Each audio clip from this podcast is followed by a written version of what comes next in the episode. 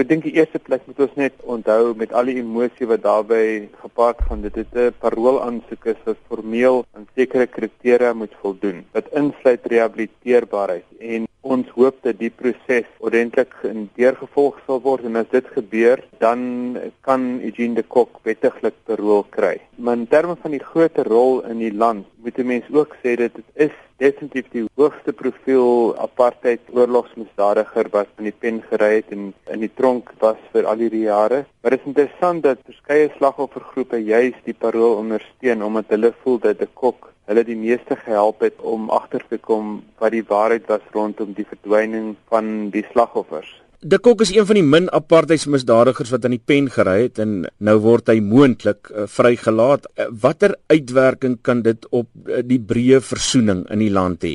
Nou, ek dink wat belangrik is is dat dit herinner ons aan twee blinde kolle in ons versoeningsproses, naamlik dat daar 'n reuse klomp mense was wat wel deelgeneem het aan van hierdie vergrype, maar nooit na vore gekom het nie en dus uh, steeds vervolgbaar is en ek voorsien dat dit die debat na vore gaan bring uh, of die diegene wat wel uh, in wie daar wel 'n saak te maak is uh, nou vervolg moet word. Die tweede is dat diegene wat die bevele gegee het uh, en wat weggekom het dit sal weer 'n refleksie ook op hulle werk, die politisie van die era.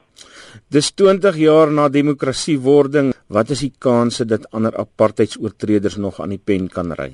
So ek dink nie dit sal in Suid-Afrika se belang wees om ehm um, lukraak hier en daar te begin vervolg nie. En dis juist ook wat ons probeer doen met die WVK proses is om 'n logiese sistemiese en sistematiese proses aan die orde te stel. En ek dink uh, daar sal nou druk wees op die regering om deur te volg met van die uh, voorstelle van die WVK onder andere in terme van vervolgings want die BVK het sekere name aan die regering gegee.